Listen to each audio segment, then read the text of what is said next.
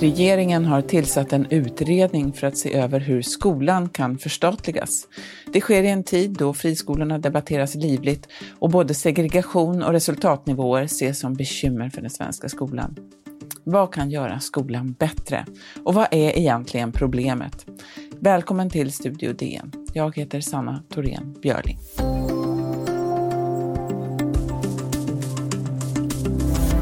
Ja, enligt statistik som riksdagens utredningstjänst har tagit fram så är lärartätheten lägre i friskolor än i kommunala skolor. Lönerna är lägre och utbildningsnivån är lägre. Enligt en statlig utredning är kösystemen till friskolorna en av förklaringarna till att den svenska skolan har blivit så segregerad. Andra menar att friskolorna är gynnsamma för att de ger barn och föräldrar alternativ och bättre skötta skolor. Kritiker menar på att möjligheten till vinstuttag ger fel incitament och att riskkapitalbolag inte ska få äga skolor. Alla vill ha bättre arbetsro och högre kunskaper. Idag har vi med oss DNs reporter Peter Letmark. Välkommen! Tack! Du skriver om skolan och vi börjar bakifrån här lite. Eh, när skolan kommunaliserades 1991, vad hoppades man åstadkomma? Ja, det kan vara lite svårt att titta tillbaka på en sån här reform, men det som var då var ju att vi hade en enorm budgetkris i Sverige. Och det var helt enkelt ett beställningsjobb från Finansdepartementet som ville, staten hade stora hål i sina eh, finanser. Och då ville de få överkostnaderna på kommunerna. Så att det är den enkla förklaringen till kommunaliseringen. Och sen eh, gick det som det gick, men eh, man ska också minnas att vi har aldrig haft en skola som är antingen det ena eller det andra. Staten har alltid varit närvarande eh, i skolan, även sedan den kommunaliserades. Och eh, Eh, så, och kommunerna har alltid funnits där också. Det ska man komma ihåg. Just det. Kommunaliseringen sammanföljer ungefär med friskolereformen. Vad ville man med den? Ja, det var ju något år senare som eh, från Göran Persson eh, och skolreformen till Carl Bildt som statsminister 92 så genomfördes friskolereformen. Då ville man, tyckte man att de kommunala skolorna var tungrodda och man ville ha mångfald och initiativ och små föräldrakooperativ. Men det är en förklaring. Det finns ju de som menar att man också ville öppna dörrarna för vinster och eh, man trodde att man, man skulle gynna det entreprenöriella, som det så fint heter. Men eh, det visade sig att eh, det kanske inte blev så entreprenöriellt i slutändan. Stod både höger och vänster bakom de här reformerna? Ja, det är också svårt att säga. För att man kan ju säga, de kan ju säga i efterhand att nej, vi vill inte ha det här. Men faktum är att det var inga protest, stora protester.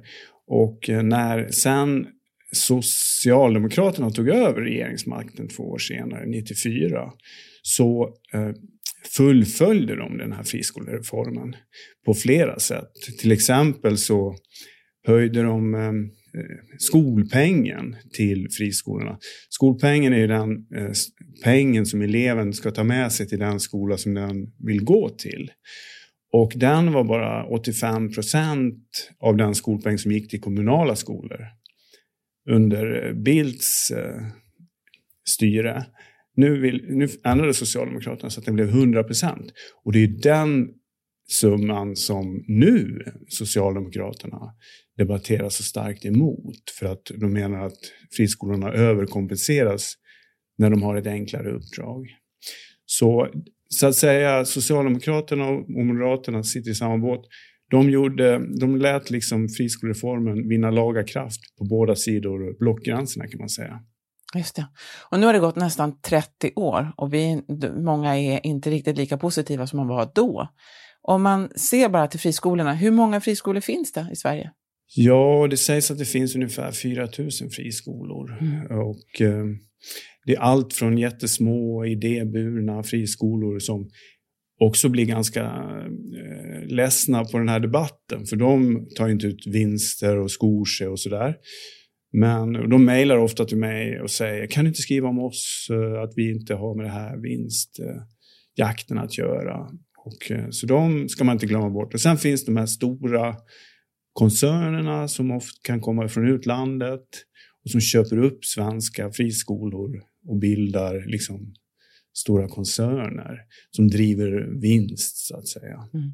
Ofta är det ju just ett fokus på några få, de här Academedia är en och Engelska skolan är en annan eh, stor kedja. Varför blir det sånt stort fokus på just dem när det finns så många då små aktörer? Ja, ja det är väl kanske för att det är de stora som eh, tar ut vinsterna och det är de som man ser också dem. Och eh, det är bra, de driver ju bra skolor, både Academedia och Engelska skolan. Men det finns ju de som menar att de plockar elever som är lätt eh, undervisade och att de, så att säga, um, det blir segregation eftersom de då får de här eleverna som inte är så svåra att ha. Mm. Och att det är det som gör att det blir en segregering i skolan. Nej, jag vet inte varför det blir så, men jag tycker inte det är så konstigt att man fokuserar på de, de mm. stora aktörerna heller. För att det är de som har, har störst betydelse på den här skolmarknaden som vi har. Det här att man har vin skattefinansierade vinstdrivande skolor, det är ju ganska unikt för Sverige. Eh, den här modellens förespråkare då, vad, vad pekar de på? Eh, ja, eh, från borgerligt håll då brukar man säga att om du, är för, om du har ett företag så tar du en viss risk för du investerar dina egna pengar. Du satsar och då ibland förlorar du, ibland vinner du. Så att eh, det är ingen som skriver om när de går med underskott och behöver skjuta till pengar. Men eh, sen ibland så går de med vinst och då tar de ut den vinsten. De säger då att eh, vi tar en risk som företagare. Vi måste kunna ja, få tillbaka. Och vinsten menar man då, den effektiviserar, det gör att man, om man drivs av det här vinstintresset så effektiviserar man verksamheten, man försöker få så bra undervisning som möjligt för så lite pengar som möjligt. Och de menar då att de kommunala skolorna har massor att lära av detta.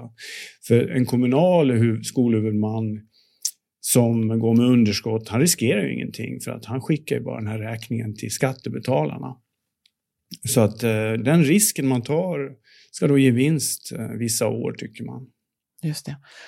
Eh, och kritikerna de menar då att man plockar ut skattemedel som vinst, med, som vinst eh, i vinst och att man eh, då plockar också de eh, lättare eleverna.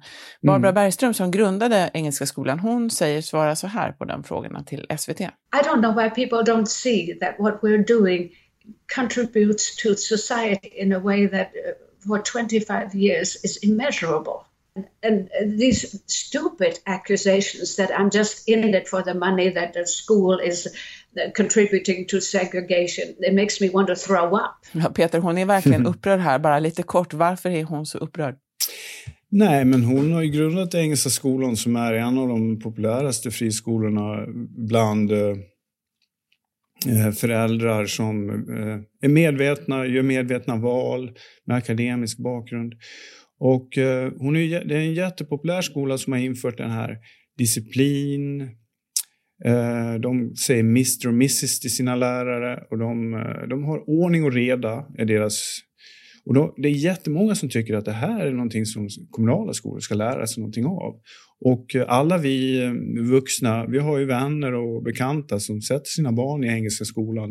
Kanske för att de behöver eh, den här disciplineringen och så vidare. Och det där är en sida av saken. När man skriver om Engelska skolan så får, man ju, så får jag väldigt mycket tips om andra saker, att de slarvar med läromedel, de har stenciler för att dra ner på kostnaderna. Det finns eh, påståenden om glädjebetyg, eh, jag har hört, fått, det finns elever som hör av sig och säger att jag har fått för höga betyg för att jag går på friskola. Så att friskolorna, nu vill jag inte peka ut Engelska skolan för de är inte här och kan försvara sig. Men det finns ju en jättedebatt om friskolorna, att de generellt sett har intresse av att sätta för höga betyg för att en skola med höga betyg får långa köer och då kan de en kö för en skola är jättebra, för då vet de att det finns vårdnadshavare som är intresserade av mig, alltså kan jag expandera. Så att eh, det är ju en, en jättebra signal för en skola på att vi gör rätt, vi kan öppna en till skola för att eh, vi har så många som står i kö. Just det. Vi ska alldeles strax tala mer om eh, vad som händer nu med skolan.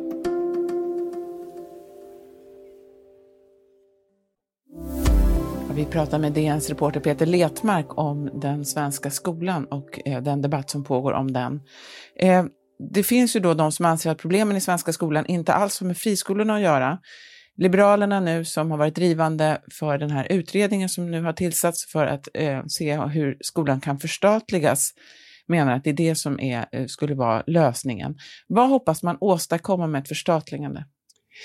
Ja, det är, förstatligande är ju jättepopulärt att prata om. Det är många som tycker att Åh, vi måste förstatliga skolan. Och det blir det som det var på 80-talet när Sverige hade en väldigt välfungerande och höga resultat i skolan. Men eh, det är en komplicerad process för att vad är det egentligen man vill förstatliga? Och då säger Liberalerna nu, och det är väl det alla är överens om, att själva undervisningen som ska, staten ska stå för kostnaden för undervisning, det vill säga lärarlöner, eh, läromedel, eh, den typen av kostnader. Medan eh, skolmaten är en jättestor eh, kostnad och den menar man då, den får kommunerna ha kvar. Skolskjutsar, eh, lokalerna, eh, vem ska betala för stora idrottshallar? Eh, alltså det finns en rad frågor som, in, som den här utredningen nu ska besvara. Hur kan statens finansiering av skolan gå till?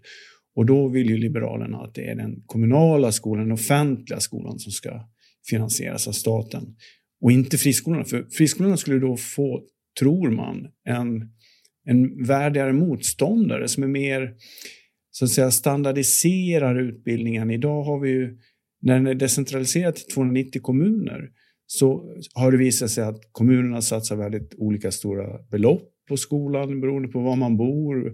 Så satsar man eh, så mycket och i en annan kommun inte alls lika mycket. Då, då menar man att eh, om staten tar över detta och reglerar lärarlöner, behörighet, så kommer det att lösa ganska mycket genom att man också blir en värdig konkurrent till friskolorna. Varför tillsätts den här utredningen just nu, tror du? Jag tror Liberalerna, eh, det står ju i januariavtalet att de ska göra det, tillsätta den här utredningen under den här mandatperioden. Det har ju Liberalerna sett till att få in i januariavtalet. Och nu är det också ett sätt för Nyamko Sabuni att eh, profilera sig. Det är ett parti som länge har de lever ju på sin, sin skol, skolfrågorna helt enkelt. Vi mm. profilerade på det. När ska den vara klar? Uh, ja, den ska ju vara klar innan uh, valet. Jag tror att den ska vara klar i, i, höst. Nu är jag inte jättesäker, men jag tror att den ska vara klar i höst. Mm. Den kommer inte att lägga några lagförslag dock, för att enligt Saboni säger till mig att hon har inte lyckats få en utredning där man lägger skarpa lagförslag på grund av att hon menar att det finns inte riktigt eh, ambitionen och viljan i bland de andra samarbetspartierna. Utan istället ska man utreda hur en finansiering av staten ska gå till. Men en proposition kommer det inte att bli. Just det. Vad spännande. Peter, bara avslutningsvis här, vad tycker du själv, vad, vad blir mest spännande att se eh, kring vad den här utredningen kommer fram till och vad de arbetar med? Alltså jag tycker det blir intressant att se hur man kommer att använda den i, i valrörelsen. För att vi har ju ett val framför oss och när de ska börja ta poäng och vinna väljare så eh, kommer skolan att segla upp och bli en väldigt viktig fråga. Och då kan man mycket väl tänka sig att partier kommer att profilera sig kring ett förstatligande och i friskolefrågan och vinster, vinster i skol, på skolpengen kommer ju absolut att segla upp. Det blir spännande att följa. Tusen tack Peter Letmark. Tack. Studio DN görs för Podplay av producent Sabina Marmelakai, exekutiv producent Augustin Erba, ljudtekniker Patrik Miesenberger och teknik Oliver Bergman, Bauer Media. Jag heter Sanna Thorén Björling.